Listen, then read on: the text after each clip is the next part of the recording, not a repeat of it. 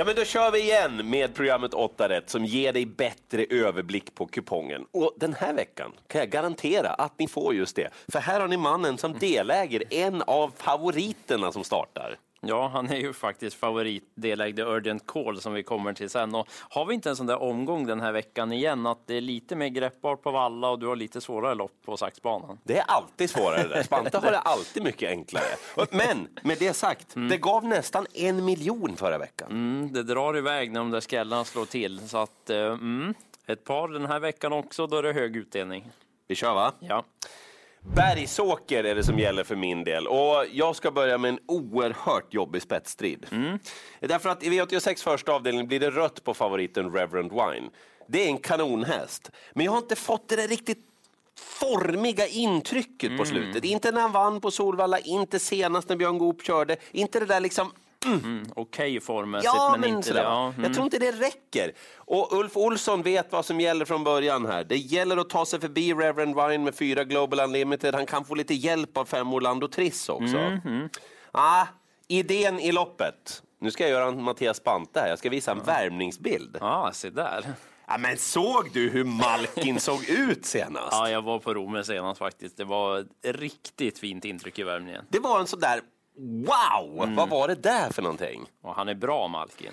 Alltså det blev galopp, men, men det, det blev strul i den första kurvan. Carl-Johan Jeppsson vräkte ner hästen invändigt, så blev det galopp framför och Malkin var pigg och i form så det bara sprutade ur öronen. Och då ville han lite för mycket där. Revansch nu. Anders Eriksson kör. Hästen är bättre i form än Reverend Wine och jag tror hästen kan vinna från utvändigt om ledaren. Malkin gillar att det är långt upplopp också. Och jag gillar att den är lite spelad. Det är alltid lite lurigt som till exempel avdelning två som vi har nu. När man har en favorit som borde ha bra chans, men man tycker att den är lite för stor favorit. Lite för stor. Ja, två Hope of Joy har ju blivit ofantligt stor Ja. favorit på förhand, men borde ha bra chans. För Ja, det, är väldigt, det är väldigt lämpligt motstånd. Eh, Jag har gjort fyra starter hos Ulf Stenström och varit jättebra. Började med två raka, satt fast gången efter, men då var det lite sämre senast. Mm. Det var inte det där liksom rätta klippet i steget och hade lite problem med halsen efteråt. Sådär ja. Så att eh, det oroar ju lite. Och så är det en väldigt klar favorit. Men motståndsmässigt ser det bra ut för Hope of Joy. Bra spår, Björn Goop kör. Den har ju varit jättebra vid segrarna. Så att, helt rätt favorit. Men jag kommer ändå prova att ta med två till. Jaha, Eh, ett Balto Duon, den är startsnabb. Vill Kaj Widell köra i ledningen. När han vann senast i cirkeln, då sa han åt mig, kolla idag ryckte vi av alla skydd och grejer. Och som den gick. Den gick verkligen. väldigt bra den gången. Men tre One to Beat vill jag ha med också. Suttit fast två gånger i rad. Om nu den kommer till ledningen, då provar de nog i spets den här gången. Bra form på One to Beat, men Hope of Joy är rätt favorit. Lite väl stor. Gör du det här. Och du har något att bita i här. Monteloppet som utgör V86.3, det är inte enkelt. Vid en första anblick, ja men Lady of the Lake är ju med och är favorit.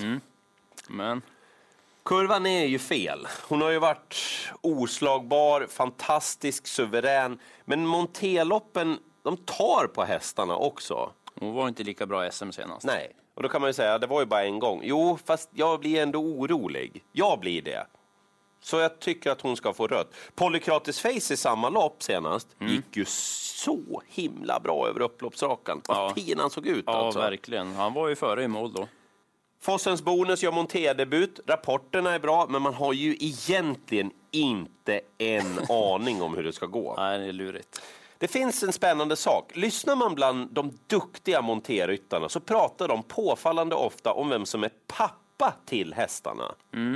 De brukar ju liksom ha koll på det där och vara extra nyfikna på det. Och Jag vet, prat- du har pratat med två va? Ja, Emilia Leo och Anna Eriksson brukar nämna lite olika stammar, så här, bland annat då Going Kronos, att det är bra monterhästar. Polykrates Face efter Going Kronos och Tobacco exempelvis. Och Sugar Daddy nummer fyra. Stark häst. Jag tycker den ser rätt ut. Ja. Och rapporterna går verkligen i dur kring hästen och den blir lite spelad. Jag funderar på att ta alla i loppet. Har ni inte råd med det, hästarna 3 och 4 är ett måste på kupongen. Nej, det vart inte så bra. nej, Lite som favoriten här. ja, lite så. Det blir rött på Mr Selfie, häst nummer sex. tycker inte han ska vara favorit alls faktiskt. Han eh, var inget bra senast. Nähä. Eh, ganska medioker i kön. Oj. Möter ett par bra hästar den här gången. Vad hård du är. Det är ändå en rätt bra häst, Mr. Ja, Ja, han har tjänat har- 200 000. Jag skulle älska att äga Mr. Selfie. Ja, han, han kan absolut vinna om du garderar loppet, men jag tror att en annan vinner, så det är liksom därför som det blir väldigt röd. Eh, förra gången så dissade jag honom när han var favorit, Ja. men nu tror jag att Gio Manuzzi Hanover vinner, för han möter lättare hästar den här gången. Han gjorde ett bra lopp utvändigt ledaren Mm. sist. Det var högt tempo hela vägen, han bet i hela vägen. Som sagt, lättare emot och så lång distans. Känns som det kommer passa den här väldigt bra. Så kan det bli första rycktussar också. Sådär ja. Det hade varit väldigt spännande. Tänkbart att spika Manuzzi Hanover. Mm. Jag är lite inne på det. Får se hur han värmer bara. De där, ja, det där var ju, om det blir... Ja, kan bli ur- pro- urdragen. proppen ur. Ja, oh, är den här avdelningen. Ja, om man garderar Ja. ett come together Eh, hoppade ju i comebacken in mot upploppet. Han hade nog varit med i striden och sen var den ute i kval på Valle. Jag tyckte den såg väldigt fin ut. Vi kan titta på de bilderna. Ja. Han eh, gick 14 sista varven med 13,5 sista 400. Oj. Mötte ganska bra hästar i kvalet också, bland annat han Herod och Melby Fire. Så att om Va? den går felfritt, kanske tänkbar, men Manuzzi Hanover, den är bättre. Och särskilt med de där rycktussarna. Så nej, jag tror på Manuzzi Hanover, rött på favoriten. Du, du, du är en sjutusande en. Du visar ett kvallopp i åtta rätt alltså. Ja, klart vi gör det. Nu blir det spikspante. Det gillar vi. Rött på favoriten Osas Bolt. Jag återkommer till varför. Vinner gör fyra Pretty Boy Floyd. Nu ska vi kolla på Bodentravet från i somras. Spår långt ut bakom bilen med Erik Adielsson. Smacket i bonk, som Niklas Wikegård skulle ha sagt. Eh, Den där är jättesnabb från början. När man väljer det alternativet, och det måste Ulf Olsson göra den här gången, annars fattar jag ingenting.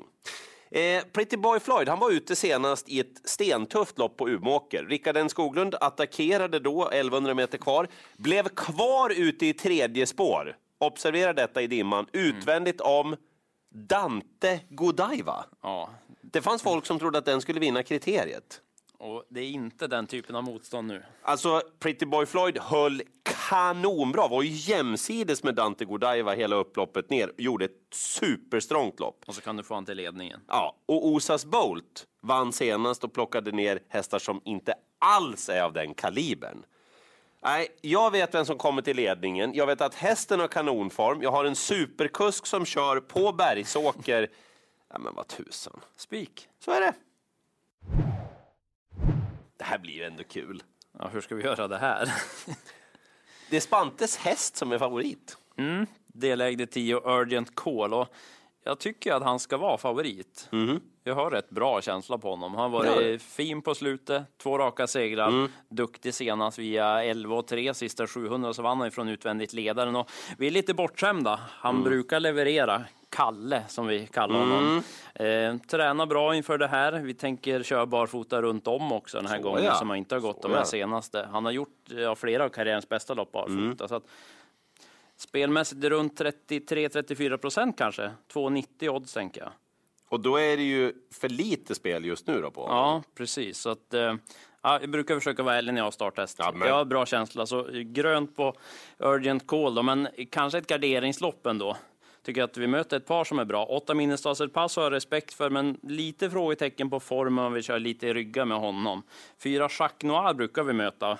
Eh, Det är ju Solvallas vd Jörgen Forsberg som äger den. Oj, nu... Så vi brukar ha lite intern fight där. Eh, Okej. Det har sett bra ut för Urgent Calls del så här långt. Men eh, nu har Jacques Noir fått ladda batterierna. Jag vet att det troligtvis blir ett blinkershuvudlag på Jacques Noir. Hel, helstängt. Ja, helhetsstängt. Ja, ja. Eh, Det är intressant på honom. Jag har mest respekt för den. Kanske tänkbart att låsa på de två. 4-10. Mm, bra form annars på hästarna 1 och 3, men förtidsspelarna hamnar rätt på den då tycker jag. Jag skulle ranka 10, 4, 8 och sen kanske 1 och 3.